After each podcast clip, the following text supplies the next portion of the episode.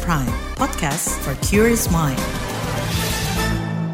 Halo saudara, selamat sore. Senang sekali kami bisa menyapa Anda kembali melalui program KBR Sore untuk edisi hari ini, Kamis 7 Desember 2023. Saya Agus Lukman akan menemani Anda kembali selama kurang lebih 30 menit ke depan. Dan sore ini kita mengangkat isu soal pupuk bersubsidi yang masih menjadi keluhan petani. Sejumlah pemerintah daerah sudah menetapkan Desember ini sebagai musim tanam rendeng atau musim tanam yang bersamaan dengan musim hujan. Berbagai persiapan sudah ditingkatkan, mulai dari pengadaan bibit, perbaikan saluran irigasi, pengadaan alat mesin pertanian, hingga kesiapan para penyuluh maupun pupuk bersubsidi dan non-subsidi. Yang jadi masalah adalah banyak petani masih kesulitan mendapatkan pupuk bersubsidi. Distribusi pupuk bersubsidi ini masih menjadi masalah dan rumit. Lalu bagaimana agar petani bisa mudah mendapatkan pupuk bersubsidi? Selengkapnya kita bahas di KBR sore.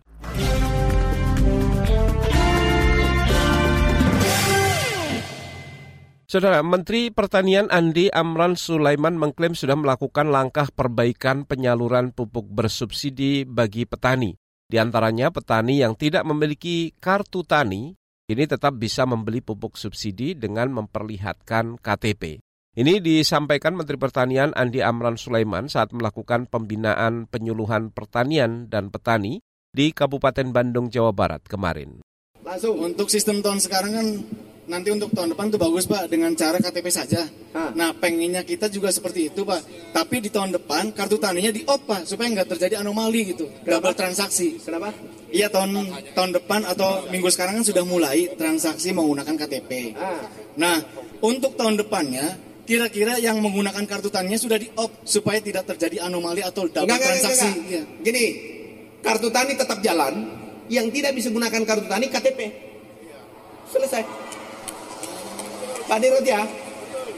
Jadi gitu, supaya yang tidak punya kartu tani KTP selesai kan? Jangan buat masalah lagi.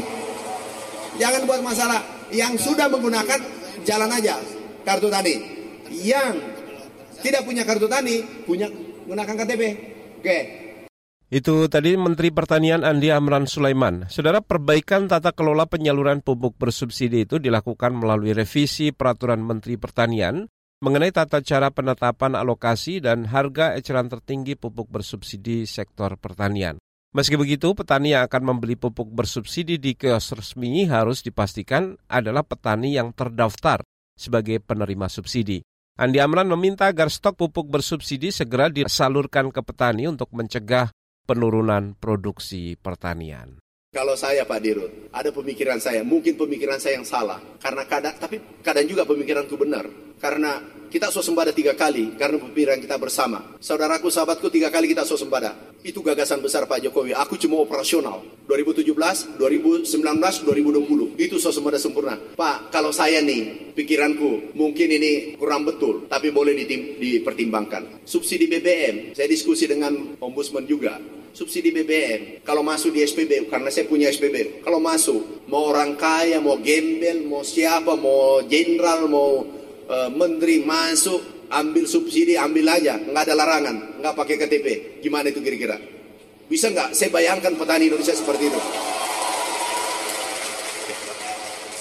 Harusnya bisa Pak dibahas Pak itu Pak dengan petani. Bahas ya. Ya, ya Bapak. Ya, sudah. Kalau saya masih ada tambahan Pak. Cukup Pak, cukup. Tapi yang masalah yang yang berhak, tapi ada kendala apa tadi sinyal kita selesaikan Pak.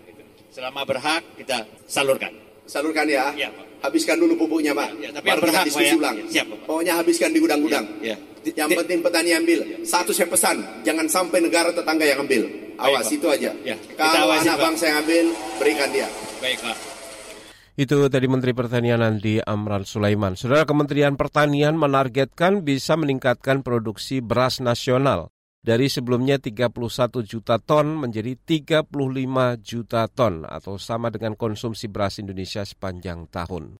Saudara masalah penyaluran pupuk bersubsidi ini sudah terjadi selama bertahun-tahun. Pada dua tahun lalu Presiden Joko Widodo sempat geram karena produksi pertanian turun, padahal anggaran pupuk bersubsidi mencapai 33 triliun rupiah. Kegeraman itu disampaikan di depan Menteri Pertanian saat itu Syahrul Yasin Limpo Dan Jokowi meminta supaya tata kelola pupuk bersubsidi dievaluasi. 33 triliun setiap tahun. Returnnya apa? Kita beri pupuk itu kembaliannya ke kita apa? Apakah produksi melompat naik? 33 triliun. Bapak, Ibu, dan Saudara-saudari, angka itu besar sekali. Artinya tolong ini dievaluasi. Ini ada yang salah. Pada tahun ini, saudara, jumlah pupuk bersubsidi yang disalurkan mencapai 7,8 juta ton dengan nilai anggaran 24 sampai 25 triliun rupiah. Salah satu yang menyebabkan masalah pada penyaluran pupuk bersubsidi adalah syarat kepemilikan kartu tani, sementara tidak semua petani memiliki kartu. Akibatnya penyaluran pupuk bersubsidi tidak merata. Sementara itu, Lembaga Ombudsman RI menyebut sedikitnya ada lima potensi maladministrasi dalam tata kelola pupuk bersubsidi. Di antaranya kriteria rinci petani yang berhak menerima tidak jelas dan data penerima yang tidak akurat. Ini disampaikan anggota Ombudsman RI YK Hendra Fatika beberapa waktu lalu. Contoh pelayanan administratif misalnya, seperti pembuatan data IRDKK atau i-alokasi, penerbitan kartu tani, SPJB produsen distributor pengecer. Nah, itu adalah contoh-contoh layanan administratif. Contoh layanan barangnya adalah pupuk bersubsidi, yaitu adalah pengadaan dan penyaluran pupuk bersubsidi. Contoh pelayanan jasanya adalah misalnya pembinaan dan pendampingan oleh penyuluh pertanian, serta sistem teknologi dalam penebusan pupuk bersubsidi dan pengawasan yang dilakukan di dalam pupuk bersubsidi ini. Dari semua jenis pelayanan tersebut, Ombudsman melihat layanan publik yang memerlukan pembenahan sangat serius adalah layanan administratif dan layanan jasa. Jika ditelisik lebih dalam lagi, prioritas pembenahan yang paling penting dari layanan administratif itu adalah menyangkut akurasi data penerima. Program pupuk bersubsidi ini atau ekosistem pendataan dan berikutnya adalah ekosistem pengawasan. Anggota Ombudsman RI YK Hendra Fatika mengatakan Potensi maladministrasi lainnya adalah terbatasnya akses petani untuk mendapatkan pupuk bersubsidi. Selain itu, mekanisme penyaluran pupuk bersubsidi tidak sesuai dengan prinsip 6T, yaitu tetap tepat jenis, tepat jumlah, tepat harga, tepat tempat, tepat waktu, dan tepat mutu. Di bagian berikutnya, saudara kami akan hadirkan laporan khas KBR mengenai dampak penurunan produksi beras nasional pada upaya pemenuhan pangan masyarakat Indonesia. Nantikan informasinya sesaat lagi, tetaplah di KBR sore.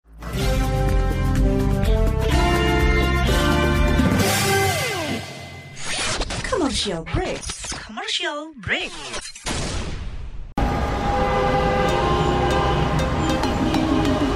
Jalanan macet, gak masalah tuh. Macet-macetan tetap harus produktif sambil mendengarkan talk show inspiratif. Ruang Publik KBR hadir untuk Anda kapan saja dan di mana saja. Simak obrolan menarik dengan tema-tema yang beragam langsung dengan narasumbernya hanya di kbrprime.id. Search Ruang Publik KBR. KBR Prime, podcast for curious mind. You're listening to KBR Prime, podcast for curious mind. Enjoy!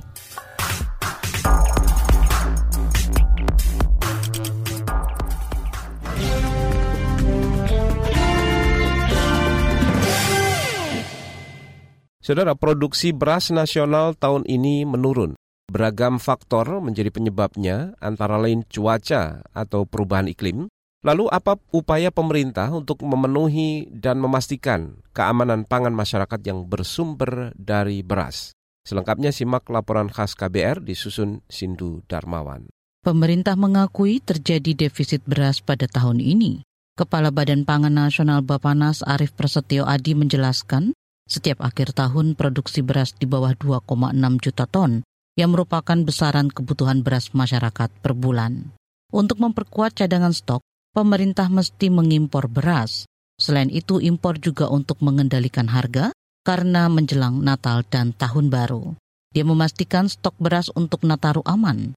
Kini ada stok 1,2 juta ton di Bulog dan akan ada tambahan 1 juta ton lagi Januari 2024. Ya kalau hari ini backupnya memang dari impor, udah nggak ada cara lain ya. Jadi uh, importasi ya itu yang segera didistribusikan ya, bongkar distribusi sambil kita uh, paralel dorong untuk tanam ya.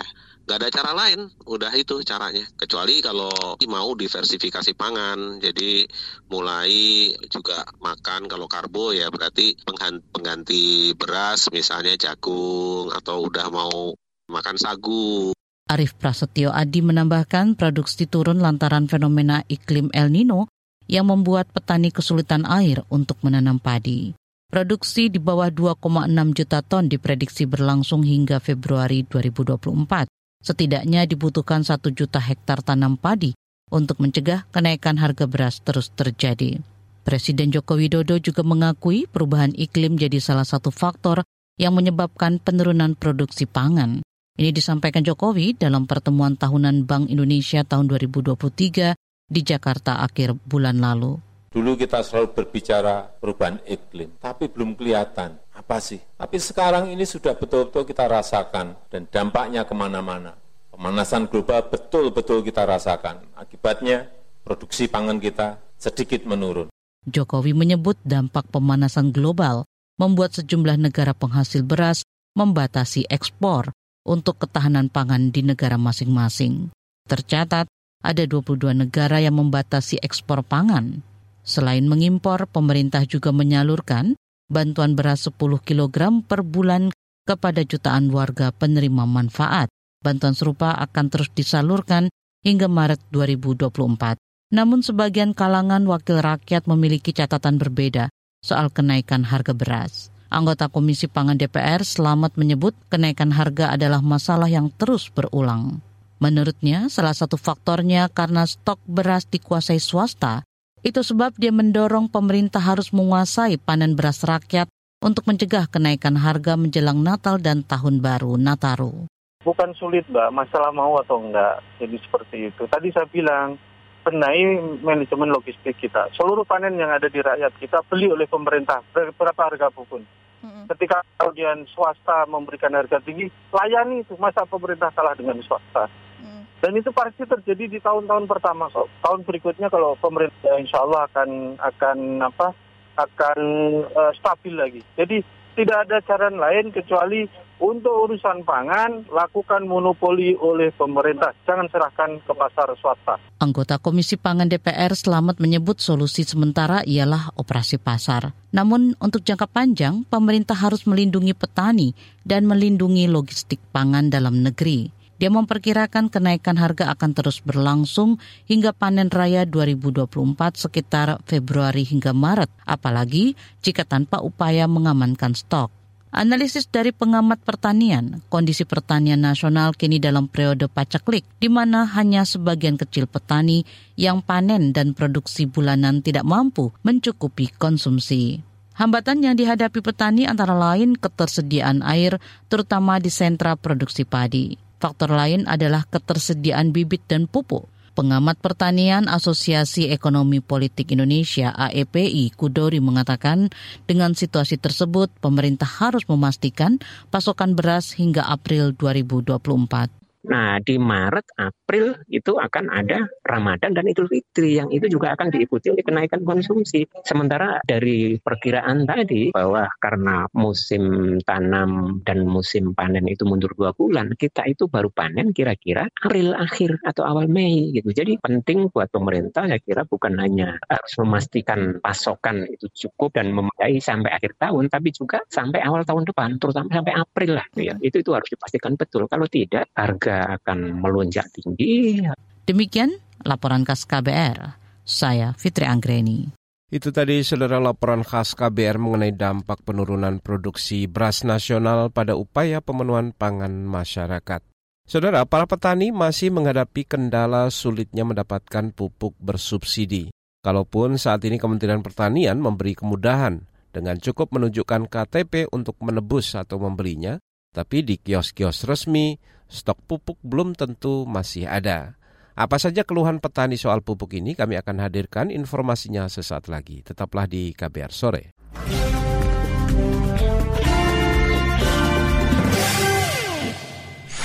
Commercial break. Commercial break. Nonton TV ah, kali-kali aja ada berita bagus. Iya apaan sih? Acaranya gosip, sinetron, itu terus. Matiin aja ah, bosen. Hah, mending baca koran. Coba deh kali ada berita seru ya. Pemilihan presiden tahun 2019. Dih, berita tahun kapan ini? Kirain koran baru. Eh, basi. Perhatian, perhatian.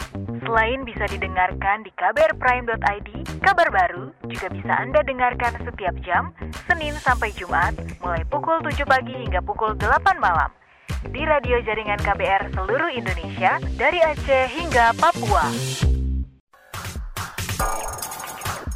You're listening to KBR Pride, podcast for curious mind. Enjoy!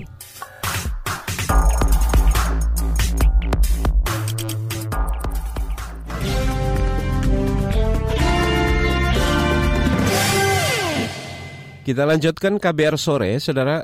Kelompok petani di Indonesia masih mengeluhkan sulitnya mendapatkan pupuk bersubsidi. Mereka dihadapkan pada banyak masalah, mulai dari birokrasi yang rumit, lokasi pengecer yang jauh, hingga dugaan permainan harga dari pengecer. Di sisi lain, penyerapan pupuk subsidi hingga akhir tahun baru 60 persen secara nasional. Suhendar, salah seorang petani di Kecamatan Campaka Mulya, Kabupaten Cianjur, Jawa Barat, mengeluhkan harga pupuk subsidi di tingkat pengecer yang berbeda. Keluhan ini disampaikan Suhendar langsung ke Menteri Pertanian Andi Amran Sulaiman pada saat acara pembinaan penyuluhan pertanian di Kabupaten Bandung kemarin. Antara pengecer di kecamatan lain sama pengecer di kecamatan saya itu berbeda jauh, hampir 50 ribu per sak, Pak. Itu apalagi di... Eh, pengecer apa? Ecer dari kios tani. Terus satu lagi Pak, terkait saya kan perbatasan nih. Jadi antara perbatasan saya, jadi katakanlah bisa antara perbatasan kecamatan sama kecamatan lain itu bisa beri di kecamatan lain. Jadi itu yang bikin saya ribet juga Pak. Petani-petani yang kecil yang hanya butuh 20 kilo, 10 kilo itu sangat darurat sekali. Jadi terdekat dari kecamatan misalkan Sukanagara. Harus beri ke kecamatan lain dan dalam jangka waktu harus menggunakan 20 km Pak. Rumitnya proses administrasi penembusan pupuk bersubsidi juga menjadi sorotan dari Ketua Serikat Petani Indonesia SPI Henry Saragi.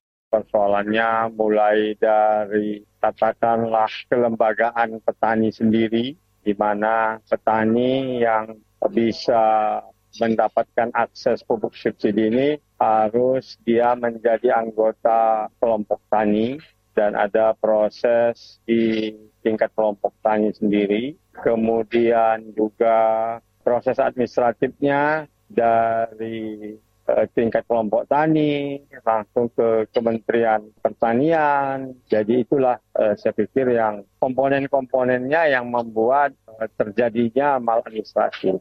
Itu tadi saudara Ketua Serikat Petani Indonesia SPI Henry Saragi. Sementara kontak tani nelayan andalan KTNA meminta agar mekanisme penyaluran pupuk bersubsidi dipermudah.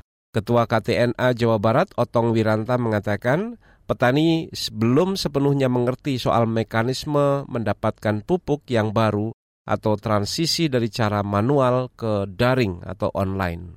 Petani uh, belum mengerti sepenuhnya tentang mekanisme mendapatkan pupuk. Karena tradisi mereka dari manual itu berpindah ke elektronik dari uh, manual ke admin dari konvensional ke elektronik. Terus juga uh, ketemu petani-petani yang kita tahu bahwa SDM petani itu uh, tingkat pendidikannya yang rendah. Sehingga kalau uh, kondisi petani dengan tingkat pendidikan yang rendah mereka menginginkan sesuatu yang gampang dan mudah dan instan. mereka datang membawa uang uh, memperoleh apa yang mereka inginkan. tanpa mereka sadar bahwa mekanisme uh, penebusan pupuk bersubsidi itu banyak sekali. dan salah satu uh, mekanisme yang harus mereka ikuti adalah daftar ulang. Nah ini yang uh, mereka lupa. Saya yakin penyuluh se-Indonesia kalau misalkan uh, peta menunggu petani untuk daftar ulang mungkin hanya sekitar 20 sampai 30 persen saja yang petani yang terdaftar dalam uh, RDKK. Sehingga penyuluh berjibaku untuk bagaimana mencari dan memperoleh data yang uh, seharusnya sehingga luas area dalam satu kelompok itu bisa terpenuhi dan terdaftar. Ketua KTNA Jawa Barat Otong Wiranta menyampaikan sejumlah permintaan petani terkait pupuk bersubsidi. Di antaranya, petani ingin dimudahkan dalam memperoleh pupuk subsidi, pendataan yang valid, beberapa daerah masih memerlukan jenis pupuk yang dihapus dari daftar pupuk bersubsidi dan dosis rekomendasi dapat terpenuhi. Yang pertama, petani menginginkan sesuatu yang yang mudah, sesuatu yang gampang gitu dalam cara memperoleh pupuk caranya cukup membawa uh, KTP saja. Ini bisa jadi salah satu sistem yang mudah-mudahan mengadopsi ini gitu. Karena petani uh, tidak susah-susah, tidak bawa KTP nanti seperti yang tadi dijelaskan itu mudah-mudahan itu salah satu cara yang yang uh, gampang. Yang kedua dalam perencanaan uh, dalam perencanaan tentu ingin uh, semuanya bergerak bersama sehingga data yang dihasilkan itu menjadi data yang valid dan bisa digunakan dalam pelaksanaan penyaluran nanti.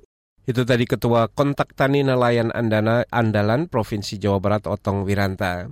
Sementara kalangan DPR mendesak pemerintah untuk mengawasi ketat tata kelola penyaluran pupuk bersubsidi karena dicurigai ada sindikasi tertentu yang memanfaatkan silang sengkarut pupuk bersubsidi. Informasi selengkapnya kami hadirkan sesaat lagi, tetaplah di KBR sore.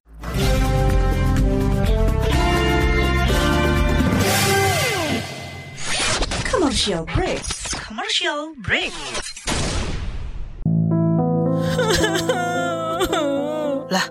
Ini anak kenapa? Gue diputusin Rehan. Aduh, yang sabar ya, Andi. Saran gue, biar nggak terlalu kecewa, kalau jatuh cinta, jangan terlalu mendalam deh. Biar Saga aja yang mendalam. Ih, apaan sih lo? Kok jadi bawa-bawa Saga? Siapa sih Saga? Kepo, makanya kenalan.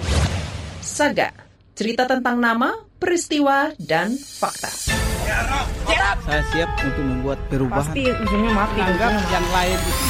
Saga menghadirkan kisah-kisah inspiratif, cerita tentang nama, peristiwa, dan fakta.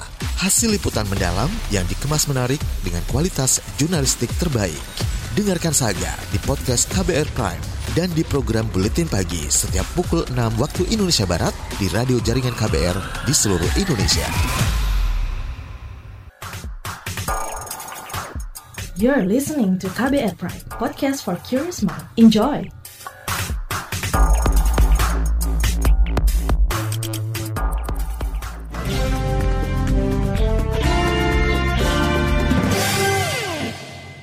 Kita berada di bagian akhir KBR sore. Saudara Komisi yang membidangi pertanian di DPR mengungkap para petani masih jauh dari sejahtera karena masih sulit mendapatkan pupuk bersubsidi. Anggota Komisi Pertanian di DPR dari fraksi PDI Perjuangan, Ono Surono mengatakan, masih banyak petani yang belum sejahtera karena produksinya tidak sepadan dengan nilai jual produksi pertanian yang dihasilkan. Kan sampai dengan saat ini kita masih mendapatkan data masih banyak petani yang belum sejahtera. Karena apa? Karena pos pos produksinya tidak sepadan dengan nilai jual ya produk pertanian yang dihasilkan. Nah, jika tujuannya itu kan tadi meningkatkan kesejahteraan petani juga selain meningkatkan produksi. Ono Sulono dari DPR juga menyayangkan pernyataan Menteri Pertanian Andi Amran Sulaiman yang menyebut petani hanya perlu menunjukkan KTP untuk mendapatkan jatah pupuk bersubsidi. Padahal ketersediaan pupuk subsidi di kios-kios resmi pengecer justru sering kali kosong stoknya. Sementara anggota Komisi Pertanian DPR dari fraksi PKS selamat menduga adanya permainan pihak tertentu untuk meraih meraup keuntungan dari penjualan atau penyaluran pupuk subsidi. Selamat meminta pemerintah mengawasi ketat tata kelola distribusi pupuk bersubsidi ini.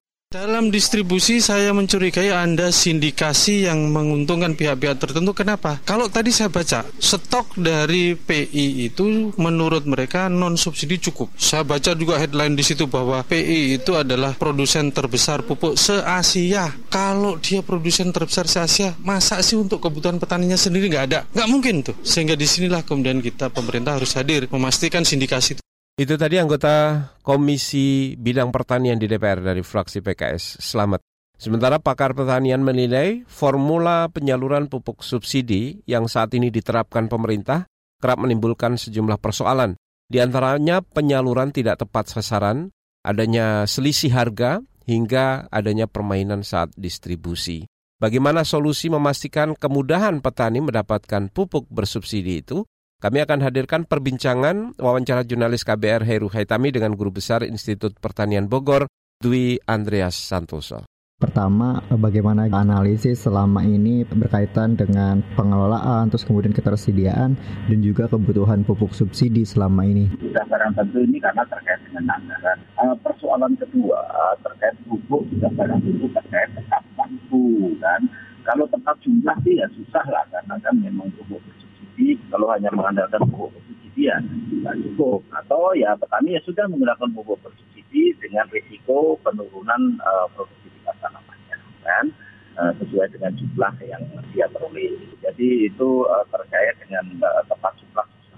Nah tepat waktu ini juga kadang-kadang menjadi masalah. Dan tanam ini sebenarnya ketersediaan pupuk pupuk uh, teramat rendah karena uh, pupuk yang sebenarnya dialokasikan untuk musim tanam ketiga Nah, pupuk yang dialokasikan untuk musim tanam ketiga kan sudah habis. Biasanya pupuk itu memadai di musim tanam kedua. Memasuki musim tanam ketiga, bagian saja dari sawah ya, sawah yang berisi di teknis yang bisa tanam di musim tanam.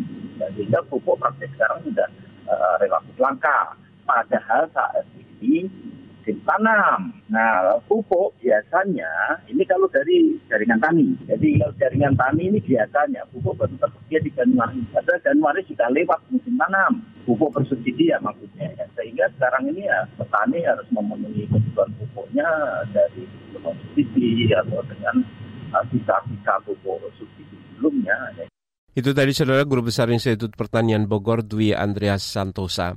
Perbincangan tadi saudara menutup jumpa kita di KBR sore untuk edisi hari ini Kamis 7 Desember 2023. Saya Agus Lukman bersama tim yang bertugas kami undur diri. Salam.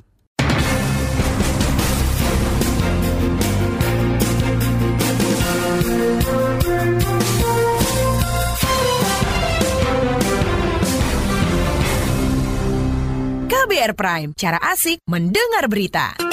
KBR Prime, podcast for curious mind.